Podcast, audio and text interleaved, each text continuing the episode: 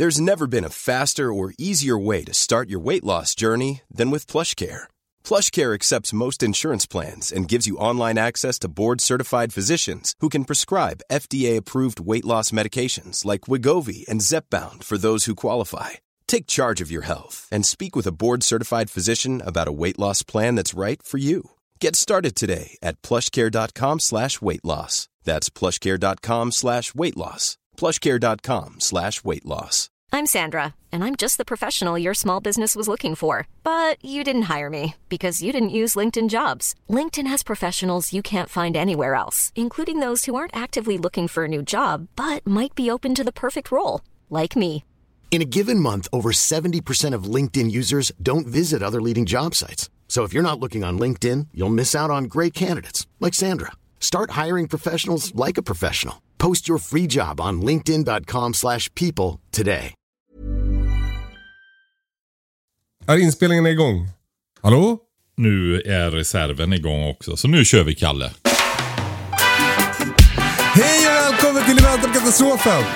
Eh, jag heter Kalle Zackari Wahlström och eh, jag låter lite förkyld sa Patrik innan vi började spela in. Men det är jag inte. Eh, hur är det med dig Patrik? Ja, det är... Eh, det är mycket, men eh, annars är det så himla bra. Men jag får, får, jag får mulja ordentligt ett par veckor på raken här nu så blir det bra. Sen blir det sommarlov eller? Nej, det blir det inte, men... Eh, eller ja, vad, jag brukar ju säga det att jag, jag tog ledigt 2005. Sen har jag bara gjort vad jag vill hela tiden. Ja, härligt. Så jag vet inte, jag kanske alltid är ledig. Men å andra sidan så kan man nog nästan säga att jag aldrig är ledig heller. Alltså, så där brukar jag svara på sådana frågor också. Jag jobbar alltid och jag jobbar aldrig. Nej, precis. Det beror på hur man ser på det. Du, eh, det har varit intensivt här hemma på eh, gården senaste tiden. Eh, eh, vi har haft problem med hagarna framförallt. Mm. Jag var eh, på svensexekryssning i helgen. Eh, en kompis med mig ska gifta sig och då eh, eh lurade vi iväg honom och åkte på kryssning till Helsingfors. Och eh, när jag vaknar på vägen hem, alltså lördag morgon, så går min hyttkamrat Peter in på Facebook. Han bor här i närheten och är med i samma grupp för sommarstugområdet som ligger här precis bredvid oss. Och han säger då, eh, era kossor verkar ha rymt Eh, och det lustiga är att de gjorde det, sist de gjorde det, då, var det, då hade Britt haft möhippa för den andra personen som ska gifta sig. alltså då rymde de också. Men så jag får det där meddelandet då på, på båten och det är inte mycket jag kan göra. Jag är liksom i, i Stockholms ytterskärgård, grovt bakfull och eh, eh, kossorna har gått långt. Och Jag kan liksom inte riktigt förstå varför de har gjort det, men, men det har de i alla fall. Så jag börjar ringa in hjälp här hemma. Eh, för att Britta är ensam med barnen så jag tänker att jag ska fixa några andra kompisar som kan komma och hjälpa till. Britta ger sig också ut. Det ringer en man, inte från sommarstugområdet här vid oss, utan från nästa sommarstugområde. Alltså en halv mil bort. Och har kossorna i, vår trädgård, i sin trädgård. Så just står och äter upp hela rabatten eller? Alltså de är så jävla matglada de där kossorna. Men jag, jag vet inte ens om det blev några skador. Jag har liksom inte orkat gräva i det. Men till slut så hittar Britta eh, åt de där kossorna och börjar leda dem hem då med en eh, hink med, med vete. Eh, och hon går hem. Eh, jag hinner liksom av färjan, hinner ut, hinner på vägen hem köpa något så här extra gott eh, pelletsfoder. Som är lite mer som start för kossor. Eh, och det, eh, det var tur för att de ledsnade på det där vetet efter en stund. Så, så, men då funkar eh, den här pelletsmaten svinbra. Det slutade med att jag satt på lämmen på pickuppen med en hink och Britta körde och försökte hålla liksom en hastighet som var lite snabbare än kossorna hela tiden så att de skulle liksom bli peppade på att följa efter utan att kunna ta hinken. För de är så jävla starka. De trycker bara ner, de- alltså de kan ju bryta sönder en hink med sin haka. Eh, men efter många om och med så fick vi hem dem och när vi kom hem så såg jag då att de hade ju rivit. Jag har liksom en sektion där det inte är elstängsel för där är grinden och så vidare. Där hade de bara gått rakt igenom. Eh, så märk väl att jag kommer direkt från den här två dygns svensexan och sen så får jag då köra elstängsel eh, fix i fem timmar här hemma. Eh, och det går, för det som händer också när vi är på väg När vi är på väg eh, in på gården här så går vi förbi fårhagen. Och fåren blir så jävla triggade av att jag går och viftar med en hink med god mat. Så då hoppar de över sitt staket. Så jag får, sista biten får jag alltså med mig kossorna och fåren in i kossornas hage. Eh, så då måste jag sen få tillbaka, tillbaka fåren till sin gamla hage. Och det visar sig att aggregatet där har lagt av. Det har varit ett stort åskoväder. Kan det sabba elstängsel eller? Jajamensan. Det, är ju- det slår ju sönder hur mycket elstängsel och aggregat som helst. Det är Ja, det är aggregaten som går. Ja, precis. De kan ju spränga, de far iväg i flisor ibland de där. Jaha. Ja, för det här är bara dött. Ja, det måste Du måste ha um, ett åskskydd på. Hur gör man då? Det är, det är, de kostar inte mycket, 100-150 kronor. Okej. Och så följer du instruktionen hur du kopplar in dem. Och det är ju helt enkelt att eh, det, det, som händer i funktionen det är ju att när åskan slår ner, du vet det är ju en lång tråd. Ja. Och den ska ju vara... Eh, eh, aggregatet måste ju vara väl jordat. Så att det är ju liksom en ledning rätt ner i backen egentligen. Och då går den ju via aggregatet ner och då slår den ju sönder den. Va? Just det, just det. Och Ja, då just det. sätter du upp en sån här istället som sitter med ett litet hopp. Eh, så pass så att det inte slår normalt sett, men om åskan kommer så hoppar det över ett för då blir det så jävla krallig laddning så då hoppar den över det där. Precis, och då sitter den direkt ner i jorden så går den förbi aggregatet istället. Va? Jag hatar elstängsel måste... så mycket. Ja. Men du vill bara säga, det är ju så här på den här nivån att en del, eh, vad ska vi säga, mer kända märken, de har ju alltså så här att du ingår en åskgaranti om du använder sånt åskskydd. Då. Okej. Så det, det är viktigt att göra det, annars har man, får man byta aggregat ganska ofta. Då räcker det inte att ha tre Kalle. Nej. Nej, inte om man ska vara lite långsiktig. Uh, nej men för uh, till slut, efter många om och men, fick jag då ordning på elen i, i eh, kohagen. Uh, det visade sig, jag har ju tidigare satt fårstängsel där och sen satt tråd för att, för att öka skyddet. Så att kossorna inte lägger sig på stängslet och bara går ut. Och det här stängslet låg då emot tråden på ett ställe. När jag hittade det så petade jag loss det och då fick jag en sån jävla stöt. Så då insåg jag att nu funkar det igen. Eh, sen har jag problemet då, eh, då hade jag problemet att det fanns ingen el i fårhagen. Då har jag en gammal hage där jag hade bagglammen tidigare. Den elen funkar inte heller, så jag fick hålla på med det jättelänge. Eh, och sen har jag problemet att kult, griskultingarna bara rymmer hela tiden. Eh, så då, för att då, den understa tråden, de hade ju bökat upp jord på den och så här. Så fick jag hålla på och fixa med det. Och jorda bättre, för det har jag förstått då att man måste jorda ordentligt, tillräckligt många jordspett. Så är det. Och eh, nu, nu får kultingarna stöt när de springer ut. så, så då står de och laddar som fan. De är rädda för staketet, men de tycker ändå att det är värt det. Så man hör dem sp- springer och tjuter. Ah, ah! Eh, så det är ett fall framåt kan man väl säga. Eh, till, saken, till saken hör också att jag, i samband med det här skulle jag skulle avyttra två av mina griskultingar. Det är en, en, en bekant på internet som var sugen på att skaffa två grisar till. Och Han kom då förra veckan och skulle försöka fånga två kultingar till honom och det gick absolut inte. Alltså vi höll på i fem timmar för att fånga de där kultingarna. Lika länge som jag höll på med elstängslen. Kul. Eh, det började med att jag hällde ut, de är ju väldigt liksom, tama när jag häller ut mat. Då kommer de fram och sådär. Så då, då tog jag en med en gäddhov. Och sen när jag skulle lyfta ur den ur hagen, då, då vek sig gäddhoven och gick sönder.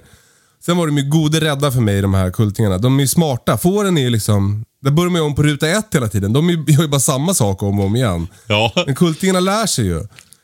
Så de blev ju väldigt misstänksamma mot mig. Och jag höll på och försökte fånga med lasso och jag stängde in dem i deras skjul. Och jag försökte bygga något av de gamla hundgårdssektioner för att fålla in dem. Och ingenting funkade. Till slut fick jag ge upp. Och den här killen som hade kört långt för att få två grisar, han fick åka hem igen. Men Alltså, jag, jag bara sitter och tänker på, man bara kan hoppas att filmaren var där. Vilket material du skulle ha till dina Ja, tv-program. tyvärr så var det inte det, men, men vi, gjorde ett, vi tog revansch igår. För då var vi... Eh, han, han är tillbaka till Stockholm idag den här killen. Som ha grisarna. Så igår så bestämde jag för nu ska jag fan fånga in två grisar till honom eh, och stoppa en spilta i ladan då så att jag, jag har dem redo för honom idag. Så då byggde jag en folla av eh, lastpallar. Eh, och eh, byggde den i, vid kanten på hagen så jag skulle slippa gå genom hagen med en skrikande kulting. Eh, eh, för att mammorna blir ju arga. Liksom. Eh, så då försökte jag liksom få in två stycken där och det, det gick bra. En mamma kom in också och hon hoppade över ledigt. Så jag gick in och tog en kulting då som jag hade fångat in där. Och den började skrika och Britta, jag hade glömt att säga till Britta och Björn att de skulle bara skrika jättemycket. Så att de blev jätte, jätte, jätterädda. Eh, och ja, då, nu här var ju filmarna med, så här får ni se i tv sen. Det var en Ja. riktig, riktig pers. Alltså så att, så att eh, alltså, ja, ja, Britta blev jätte, jätterädd. Och Björn blev jätte, jätte, jätterädd. Och eh, mammorna, eh, suggorna började ju liksom, de blev jätte, jätte arga och började försöka springa efter mig. Och då fick jag skrika till Britta och sätta på elen igen och jag hade inte gått igenom med henne hur man gjorde. Våldkidnappning, det är klart de blir förbannade, Ja. Kalle. Men De där fattar ju så mycket, vet du, Ja, det, det var väldigt tydligt. Men, men Ja. de, också, de verkar också lägga det bakom sig ganska snabbt. För jag sprang in med den där, eh, en gris då i ladan, en kulting, och lämnade den där. Och när jag kom tillbaka, då var allt lugnt i hagen igen. Var de, liksom, är, de är bra på krishantering. Precis, alltså de, de, de verkar vana, vara vana vid svinn. Ja. På ett, på ett eh, arvsplan. Eh, men och sen så var det då, skulle jag få in en ny och då, jag, jag hade fått in två kultingar då. Jag lyckades ta- en och springa. Den, jag trodde den andra skulle vara kvar när jag kom tillbaka, men då hade den också hoppat över. De är jävligt, eh, alltså en, en kulting som hoppar över en lastpall, det tyckte jag var mäktigt. Eh, men då kunde jag sticka ner pinnar som ett fort i lastpallarna. Så det byggde som en, ett staket av döda grenar runt. Och efter många om och men fick jag in en kulting till. Eh, och lyckades ta den och kuta med den och den skrek. Och nu är de i spiltan i ladan och väntar på att få åka till Vemdalen. Där de ska bo.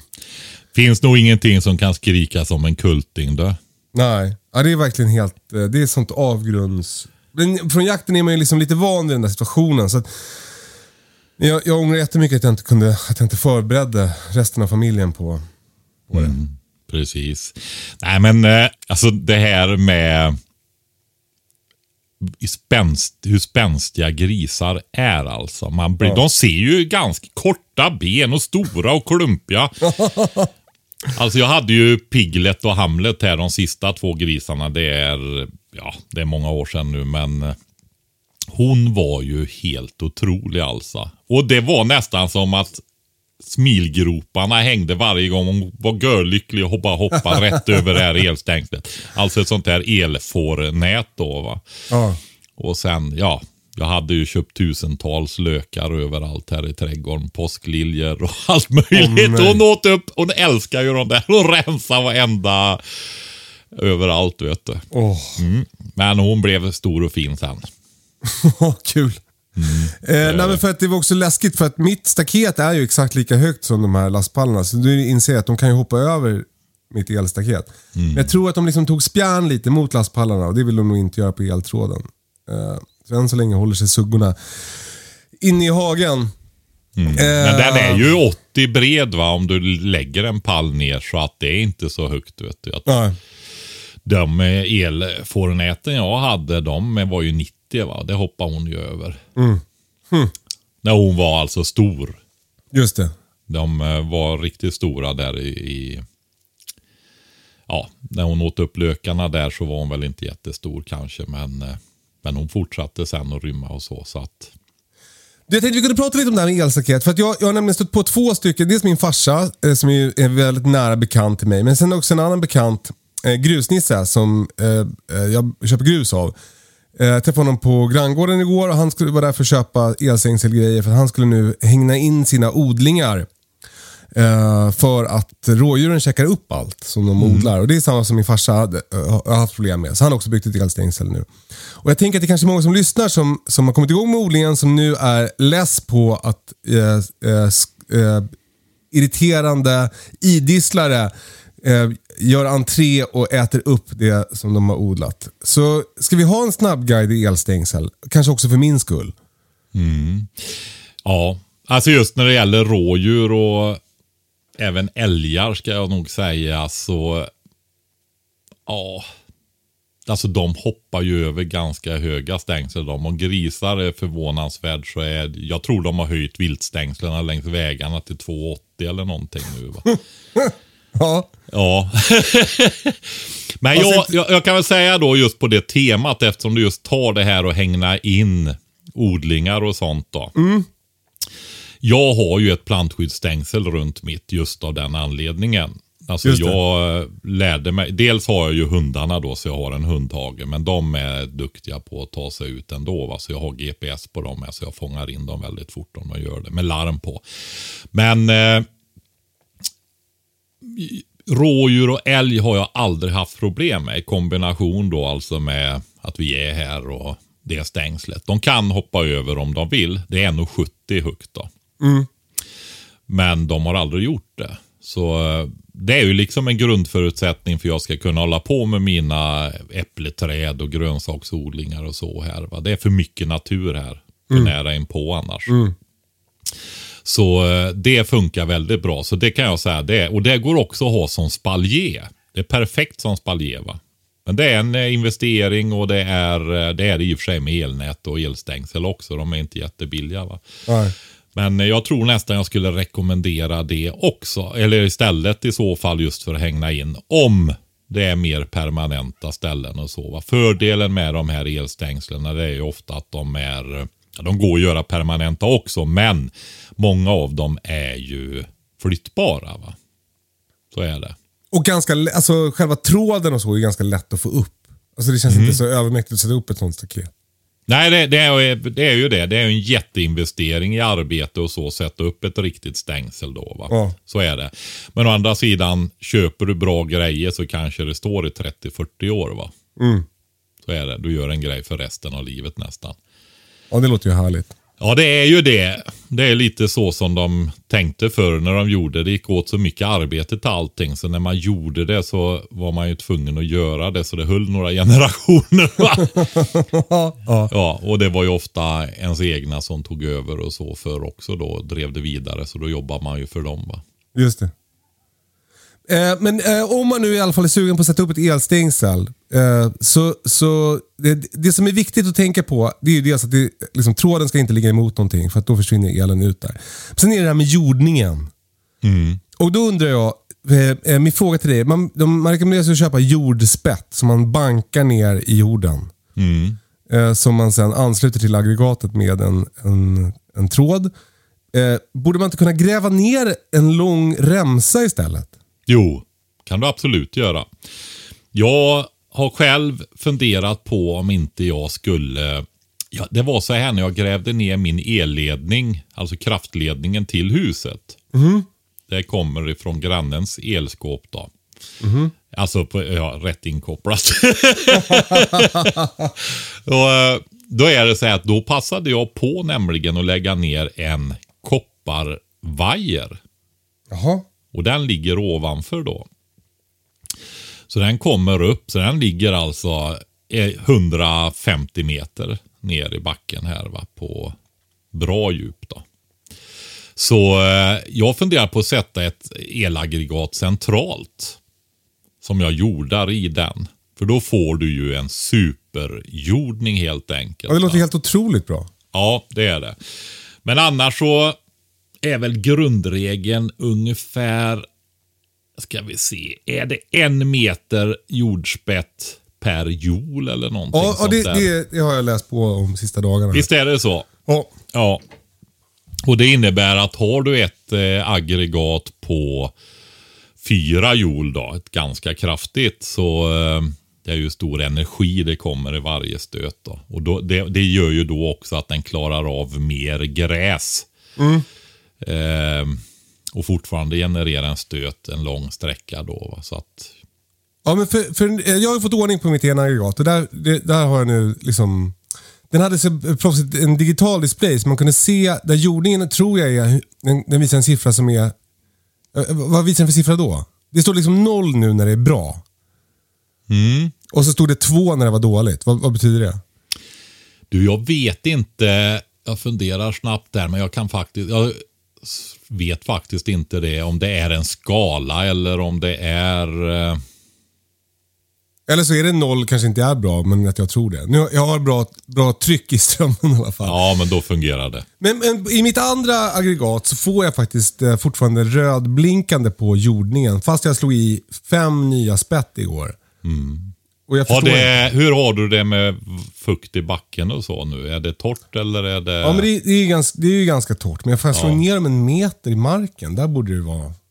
Ja, du har ju lera också. Exakt. Men det, varför jag tar det, det är därför att det är väldigt bra om du kan sätta jordspetten där du har en fuktigare plats. Va? En, Ja. en låglänt plats.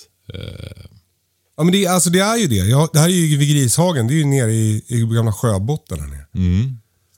Jag hörde om en annan grej som man kan göra också. Att man drar en jordtråd runt hela hagen och så kan man dra ner spett på massa olika ställen.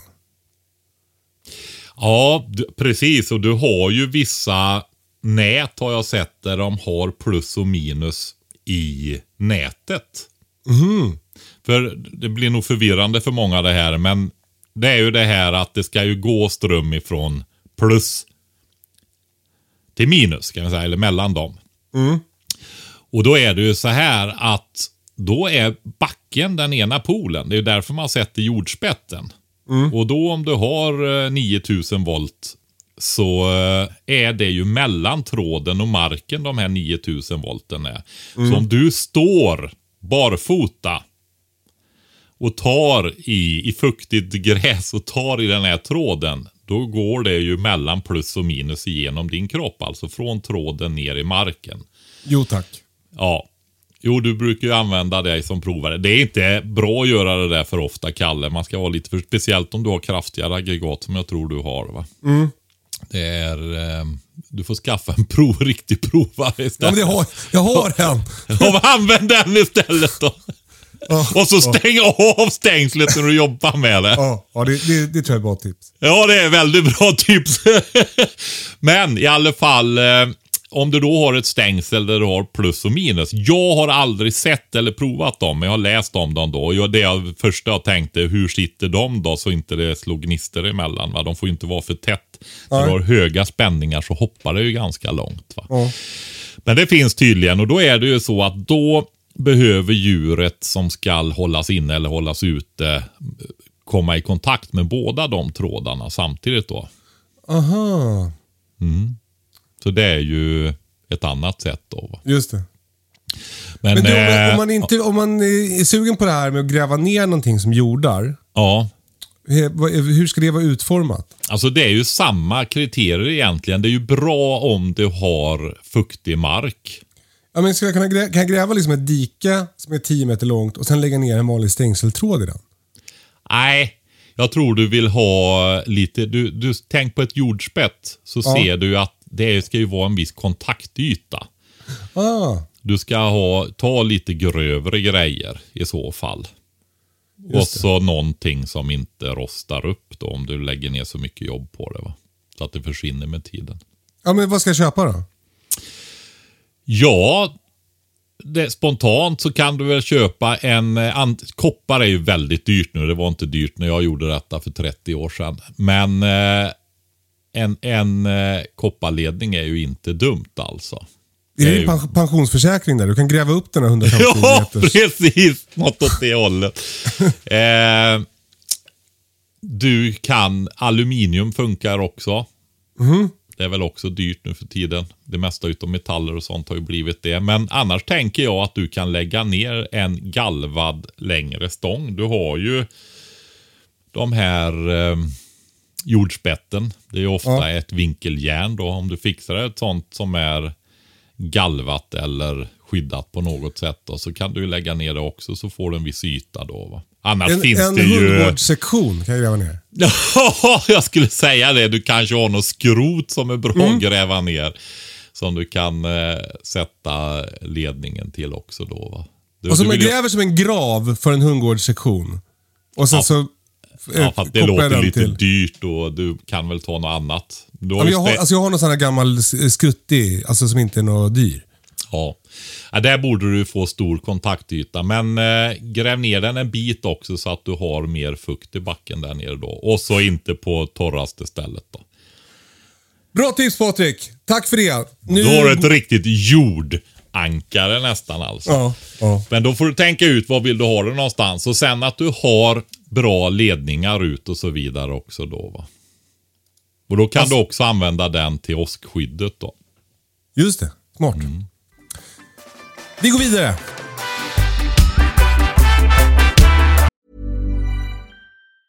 There's never been a faster or easier way to start your weight loss journey than with PlushCare. PlushCare accepts most insurance plans and gives you online access to board-certified physicians who can prescribe FDA-approved weight loss medications like Wigovi and Zepbound for those who qualify. Take charge of your health and speak with a board-certified physician about a weight loss plan that's right for you. Get started today at plushcare.com slash weight loss. That's plushcare.com slash weight loss. plushcare.com slash weight loss. Hiring for your small business? If you're not looking for professionals on LinkedIn, you're looking in the wrong place. That's like looking for your car keys in a fish tank. LinkedIn helps you hire professionals you can't find anywhere else, even those who aren't actively searching for a new job but might be open to the perfect role. In a given month, over 70% of LinkedIn users don't even visit other leading job sites. So start looking in the right place. With LinkedIn, you can hire professionals like a professional. Post your free job on linkedin.com slash people today. Burrow's furniture is built for the way you live. From ensuring easy assembly and disassembly to honoring highly requested new colors for their award-winning seating, they always have their customers in mind. Their modular seating is made out of durable materials to last and grow with you. And with Burrow, you always get fast, free shipping. Get up to 60% off during Burrow's Memorial Day sale at burrow.com slash ACAST. That's burrow.com slash ACAST. burrow.com slash ACAST.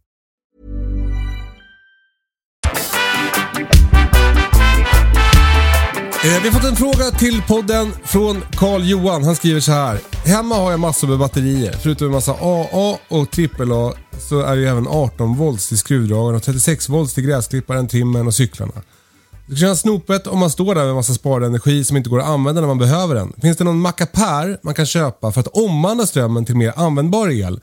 Så man till exempel kan plocka ut 12 volt ur ett cigarettändaruttag eller 220 växelström. På de flesta batterier står det tydligt vilken som är plus och vilken som är minus. Eh, men sen har jag fått höra att det eh, ibland kan vara styrning som gör att batterierna inte har någon ström i utgångarna om de inte är kopplade till rätt manik. Går det överhuvudtaget att tänka att man vill ta hand om den här strömmen?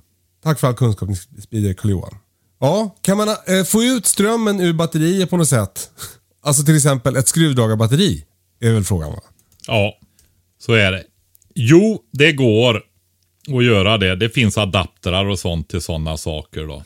Som man kan... Eh, det får man leta upp då. Jag kan inte ge ett tips om det på rak hand då. Men jag har ju Milwaukees grejer. Ja, Och eh, jag har adaptrar till dem. och, vad blir det då? Eh, ja, men har du 12 volts batterierna där så är ju det eh, strax under 12 volt egentligen då. Va? Det är väl 3,7 gånger 3 tror jag det är. Det är ju sådana här eh, 18650 heter de va? Just det. de är ju 3,7 volt och det är tre stycken sådana i tror jag i en 12 volts batteri med med eh, 2 ampere-timmars i då. Men de, det finns alltså så att du kan eh, eh, ha så du får ut 12 volt ur de där. Alltså man, du- ur ditt 18 volts batteri så kan du få ut 12 volt istället. Ja, det vet jag inte däremot, men det finns en mängd olika adaptrar och sånt till olika sådana här grejer. Så att eh, jag skulle nog eh, ta och titta på de här eh, större prylbutikerna. Eh, för jag, jag, jag kör ju numera DeWalt som min, eh, som mina, med mina verktyg och de har en adapter så att det blir USB från de här batterierna. Har du bytt till DeWalt, Kalle? Jajamän. Till vad snyggare gul, gul färg. alltså, jag, jag kan tänka, det måste varit något sånt i så fall. Ja. Eh, nej men så då kan man få USB från eh, alla batterier man har. Det är bra. Ja, är, det allt, är det allt vi har att erbjuda Carl-Johan som svar? Nej, men alltså det finns så mycket lösningar. Eh, titta som sagt på de här eh, Kjell Company, Teknikmagasinet, Amazon har ju också väldigt mycket sådana grejer. Så att det går att hitta mycket där. Så att absolut finns det lösningar. Jag, jag har gjort så att jag ska kunna använda de här Alltså det är ju bra banker med litiumbatterier så det är självklart att man vill kunna använda dem till att driva en radio till exempel eller någonting sånt där. Va? Just det. Så det är, det är en bra tanke och det finns möjligheter till det. Vi får nöja oss där eftersom Underbart. inte jag har researchat. Nästa fråga gäller bladmögel på potatis. Ett kärt ämne Patrik som du gillar att prata om vet jag. Eh, finns det något bra sätt att råda bot på det annat än att använda sprutmedel? Skriver Martin. Ja, absolut. Gör det det. Råda bot på. Alltså, um, ofta är det ju det här tillräckligt bra va. Att man kan vidta åtgärder som gör att det inte blir fördärvat alltihopa. Och det främst, måste jag nog säga, att det är sortval. Och Går man på de här så som är framtagna framförallt för ekologisk odling, då, kommersiell ekologisk odling. För det här är ju, alltså är du större odlare och odlar potatis ekologiskt så är det ju ett enormt riskmoment det här med bladmögel. Du kan ju i princip få hela den här skörden förstörd. va. Och eh, har du några, några tiotals hektar med potatis så är det ju hundratusentals kronor. Va? Så det, det är verkligen, och där har man lagt ner mycket jobb på att få ökad resistens då emot bladmögel. Men det är även eh, mot de andra sjukdomarna då. Va? Kräfta och sådana saker. Så att, eh, men det är, det är en viktig grej då. Välj rätt sort. Det, det känns ju knäckande för Martin då, för han kan ju inte byta sort nu. Nej, men eh, om man redan har eh, plantat så får han lyssna nu och lära sig inför kommande säsonger. Åh, gud vad härligt. Ja, men sen har du ju sådana här saker som eh, växtföljd. Just bladmögel kan ju vara jordbunden då va. Eh, så att du flyttar runt minst fyra skiften. Det är därför jag pratar om det här att bestäm hur mycket potatis du vill odla om du ska ha en liksom en beredskapsträdgård då va. Eh, och så gör du ett så stort skifte. Sen gör du minst tre lika stora till. För då flyttar du runt potatisen här också. Minst fyra, helst fem ska man väl säga då. Jag kör själv med fyra nu då. Så, eh, så du får växtföljd då va. Ja. För då förök, odlar du på samma ställe då förökar du upp det här va. I jorden och då blir det kraftigare och kraftigare. Sen har du sådana här åtgärder som radavstånd. ja, det minns jag att du har pratat om. Jajamensan. 70 centimeter brukar du säga va? Ja, 70-80 till och med Oj, kan du nog ha med.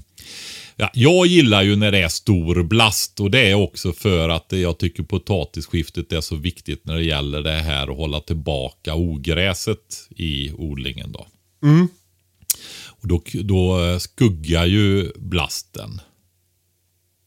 Men eh, samtidigt så är det ju så här att eh, har du mycket blast så blir det ju tätt.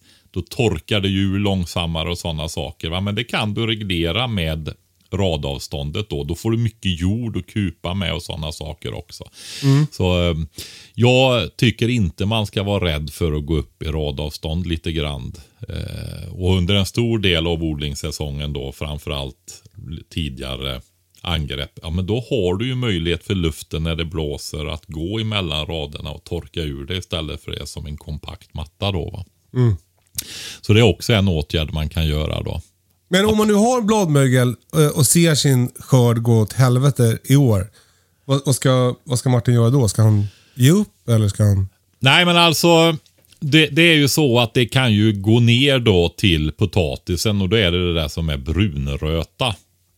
Så får man bladmögel så gäller det ju att ta bort blasten så fort som möjligt och skörda det som skörda går då under sen för att skydda potatisen helt enkelt från för kraftiga angrepp. Går det att göra ehm, att öka radavståndet genom att ta bort eh, varannan rad nu? Alltså, eh, Och då, så på så vis få liksom en uttorkande effekt som gör att möjlighet försvinner. ja men alltså jag tycker inte han ska göra det. Det, kan, det regnade mycket den här sommaren, i alla fall här hos oss. Eh, men eh, han, han har, det framgår ju inte att han har börjat få problem redan va? Ja, men jag gissar att han, eftersom han frågar så gissar jag att han har. Nej, jag tror att han funderar på detta. Mm. Ja. Att det är en mer allmän fråga, tänk, tolkar jag det som. Ja. Så då har han fått en del ingångar till nästa säsong. Då. Sen är det ju det här med allmäntillståndet, att det beror på Ja, har du en mer fuktighållande jordar och sånt så kan jag tänka mig att problemen ökar. Alltså mer lerjordar. Man odlar ju ofta det på lättare jordar och där trivs de flesta potatissorter bättre. Eh, så, så det är också en aspekt då, om man har möjlighet att välja det. Ja. Och annars så är det ju sådana här saker som dränering och så också. Att det inte är för blött. Att, det, att man odlar mer på en lite högläntare plats än en låglänt plats. Alltså inte ner i en grop. Just det. Ja, bra tips. Hoppas det hjälper Martin och lycka till eh, med Det, det ju, ja, det är ju svamp. Så det är ju liksom fukt och, och det här som gör att det trivs helt enkelt. Så man kan få luft och torkning och sådana saker då. Va? Så, potatis är ju en sån här växt som har mycket vatten med sig och är inte de allra torkkänsligaste växterna heller. Den funkar ganska bra. Alltså den ger ju skörd även om det är en torr sommar men det kanske bara blir halv skörd. Så man behöver ju inte överdriva vattnandet. Förutom att du fuktar ner blast och alltihopa det här och eh, eh, skapar en bättre miljö för de här svamparna då, bladmöglet. Så vattnar du ju massa ogräs också. Det är en fördel det här att potatisen är bra på att hantera mindre vattenmängder helt enkelt. Därför att då kan ju den få växa, komma igång. Ogräset står ju också där och stampar då för de behöver ju vatten. va. Så hinner blasten växa till sig. Och visst är det för att potatisen har så mycket vatten i sig när man Ja, sätter liksom. precis. Från start ja. Det är ju därför du ska blötlägga bondbönorna innan du sår dem. Ifall det är torrt. För då är ju de uppblötta och igång också när du lägger ner dem. Då. Så blötlägg dem över natten när du ska eh, sätta potatisen och du sätta bondbönor i också. För annars så är det torrt det där då, va? då kommer ju inte bondbönorna igång. Ja, just det. Nej, och då behöver du inte vattna på samma sätt om de är blötlagda från början. Och det, det är hela tiden det här att nej, men då vattnar du inte ogräset heller. Va? Då hinner det här komma igång. Du hinner köra någon ogräshackning lätt i där och så. Sen ska du kupa och så. Va? Men eh, är det jättetorrt så vinner du mycket på att vattna potatisen vid 15 centimeters blast ungefär. Va? Och vid blomning.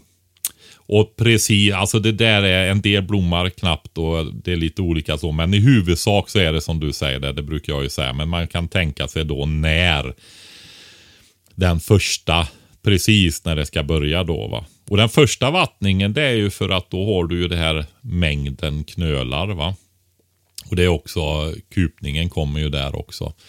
Och sen eh, har du storleken på slutet senare, alltså i princip strax innan blomningen eller när det är på gång där då. Va? Och det är inte det att det fyller upp och blir vatten i potatis utan det är just det att då kan potatisen växa till sig ordentligt. Den blir lika fin ändå fast större. Gud vad det låter härligt tycker jag. Att det räcker att vattna den två gånger. Ja, sen lite beroende på kontext givetvis då. Men det är de två viktigaste vattningstillfällena i alla fall. Och att man kan ligga lågt just för bladmögel och ogräs då.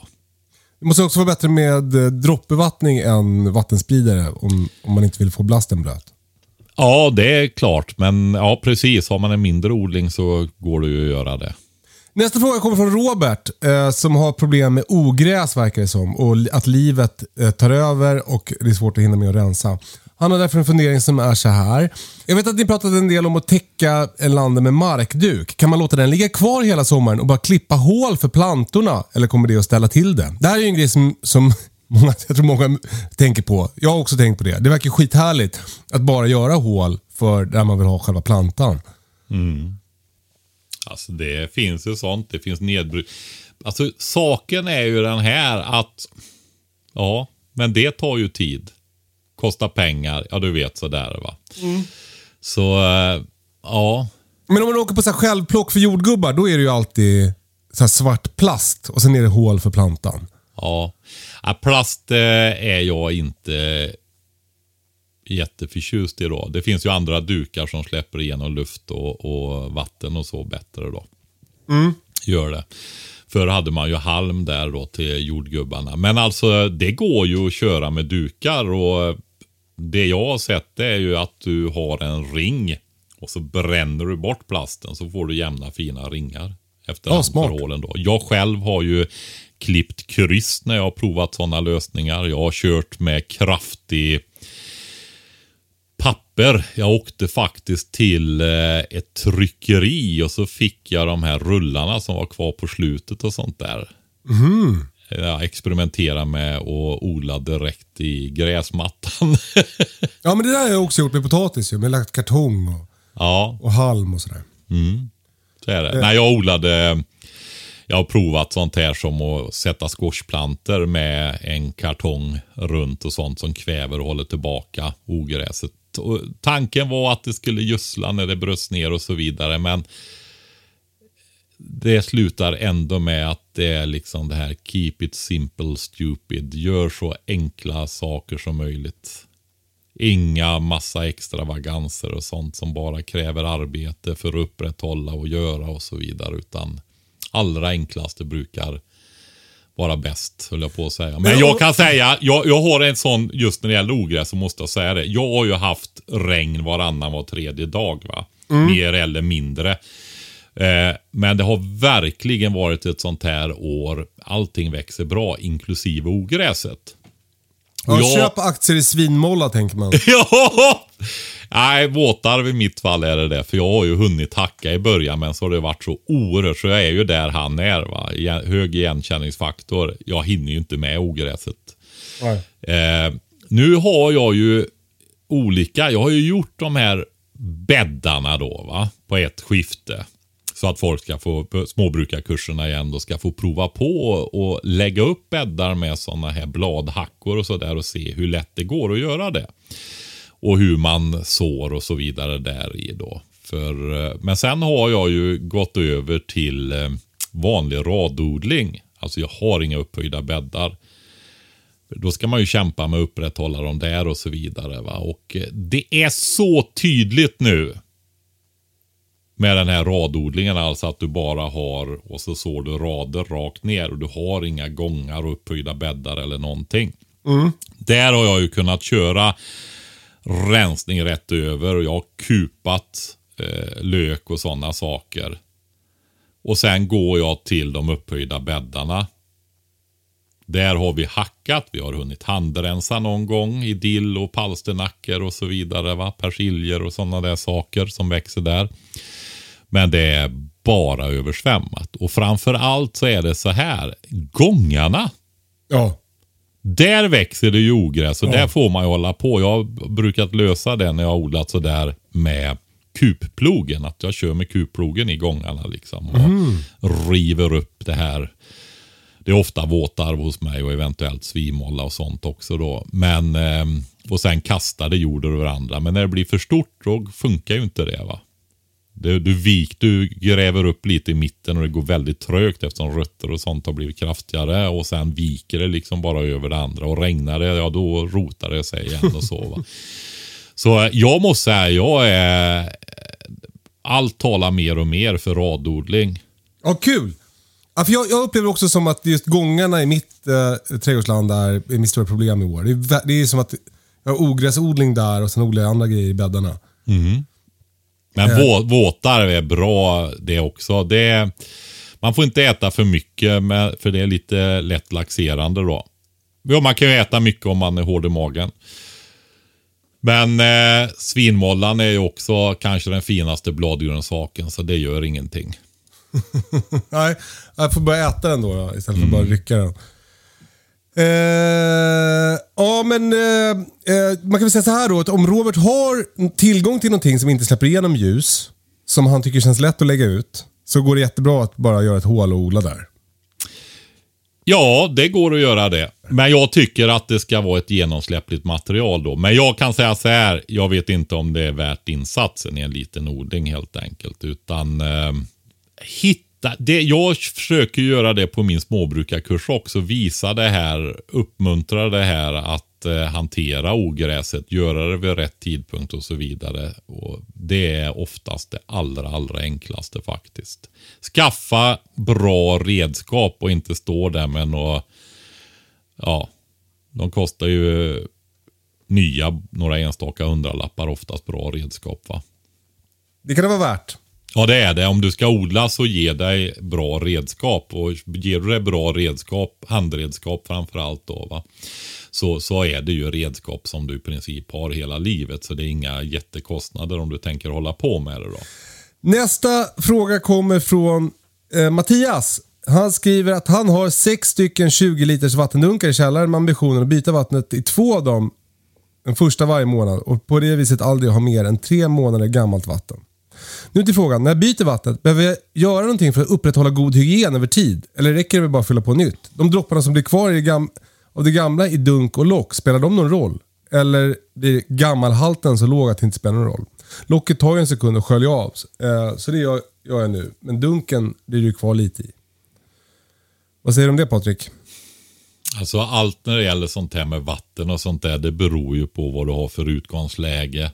Hur rent det vattnet är. Det är bakterier och sånt i vattnet, ja då behöver du ju göra rent mycket. Och har du rent vatten, ja då hinner det inte bli någon speciell tillväxt och du förvarar den svalt och mörkt och bra och så vidare. Va? Så, alltså, vill man, du har ju klorin. Det har begränsad hållbarhet i sig. Det bryts ner över tid. Då, men en klorinflaska den håller ju i något år i alla fall. va. Och eh, vill man rena vatten, då, finns det, då, då räcker det alltså att ha eh, två till fyra droppar per liter i en sån där. Men då har du ju lite klorin eh, lukt och smak på det där. va. Men inte farligt. Nej, det är det inte. Inte de mängderna. Och du kan dessutom få bort det med hjälp av askorbinsyra. Alltså ren eh, bas-C-vitamin då va. Eh, askorbinsyra. Genom att ta i det lite grann i sånt vatten så tar du bort det. Men det går, det jag skulle säga till han, jag vet inte, han verkar vi satsa på det här med att ha friskt och fräscht vatten så han ska inte ha det. Men det går ju samtidigt om man är tveksam när man sköljer att ta i lite klorin och skölja och skaka runt i en sån eh, Alltså små mängder i en sån dunk också då. Va? Men eh, vill han göra ren dunkarna också och ha hållbarhet över tid, alltså att det verkligen eh, fungerar så att man inte tröttnar och sådär och så. Är, nu är det nog kanske så att han har valt den här metoden för att han är en oerhört strukturerad och disciplinerad människa. Det finns ju sådana med. Jag har sett flera stycken under mitt liv faktiskt. Ja. Ja, det är ingen, i den här, ingen i ja, programledaren i den här podden som... det är det inte. Här är det, får man kompensera. Eh, och ta höjd för saker och ting istället. Så är det. Men eh, annars så skulle jag nog tänka att har han kommunalt vatten eller han har testat vatten i egen brunn och så vidare som är godkänt så behöver han inte byta vatten så ofta. Det blir För mycket jobb. Ja, det blir onödigt mycket jobb då. Va? Eh, Och då kan han ju göra det mer sällan, men då kan han lägga ner lite mer tid och göra ren dunken istället och skölja ur den och så. Va? Underbart. Skulle jag säga. Hoppas det eh, hjälper dig Mattias. Eh, byt lite mer sällan och gör lite noggrannare. Mm. Du Patrik, Ja. en, eh, nu är det slut för idag. ja, det tror jag. Eh, eh, Vet du vad jag ska göra nu, Kalle? nej, berätta. Nu ska jag uppgradera. Jag vet inte vad det är riktigt hur många levels jag gör nu. Men nu ska jag åka och hämta två stycken ostfrisiska mjölkfår. Oj! Två tacklam. Gud vad spännande. Ja, det ska det verkligen bli. Det var ju någonting som vi hade tänkt göra när Ingmar i eh, min hustru går i pension. För det blir ju lite mer jobb med det. va. Och eh, som du märker när du jagar, och, då har jag väldigt bra stängsel. Så att ehm, jag hoppas inte få de jätteproblemen. Men Det är väl innanför de här perifera stängslen möjligtvis att de rymmer och äter upp allting då. Va? Men det får är lite tacksammare att hålla inhägnade än getter i alla fall. Va? Nej, men eh, jag lyder mitt eget råd. Är det så att du har tänkt göra någonting så är det i år du ska göra det. va. Skaffa de där kaninerna, fint. hönorna eller, eller tacklammen då. Så att jag ska låna en bagge här senare. Och eh, hoppas då få minst två tacklam till då. Och så planen är att ha en flock på fyra.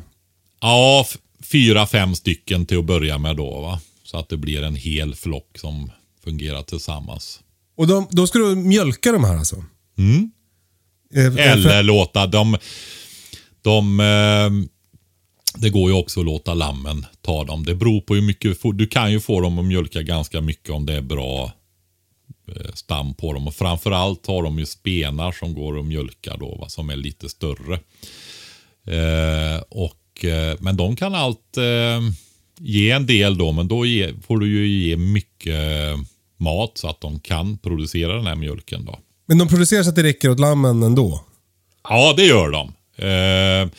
Ger du får, vad säger jag, hö och bete och lite kraftfoder och så under, alltså eh, spannmål och så, så eh, i måttliga mängder så ger de ju mindre mjölk. Det är ju inte så att du måste ge optimala givor hela tiden för att de ska ge någon mjölk, utan det är, vad ska jag säga, lite gas och broms på det där. Så jag Och vad vet gör att ni sen han- med mjölken? Ja, men mjölken där, den är, fårmjölk är ju väldigt speciell på det viset att den är eh, väldigt innehållsrik. Så att, ska jag se nu. Ja, men alltså grejen är, jo men det är det att det, du får ut, är det nästan dubbelt så mycket ost som du får på komjölk alltså. Så det är ju framför allt det. Men det, kan, vi, det är ju vi skaffar dem nu så vi har dem och försöker få upp en flock och få ordning på all infrastruktur och allt runt det där. Och det här bygger ju då, i och med att jag har så litet ställe, så blir det ju i princip vinterhage och lite till här hemma. Eh, Så det här bygger ju på samarbete med att jag hjälper grannar då. Och då är vi inne på det här med flyttbara elstängsel och sånt där. Med, eh, som är högre och kraftigare och så vidare. Och bra elaggregat för vi har ju vargar här va. Ja. Så det, men det är något annat avsnitt det. Jag ville bara berätta det att jag ska göra det. Det är väldigt roligt. Gud vad spännande. Alltså Mm. idag. Nu ska jag åka. Åh, vad roligt Patrik. Det får du berätta om nästa vecka. Ja. Eh, tack för era frågor. Eh, lycka till med ert eh, liv. Så hörs vi om en vecka. Puss och kram. Hej då! Hej då!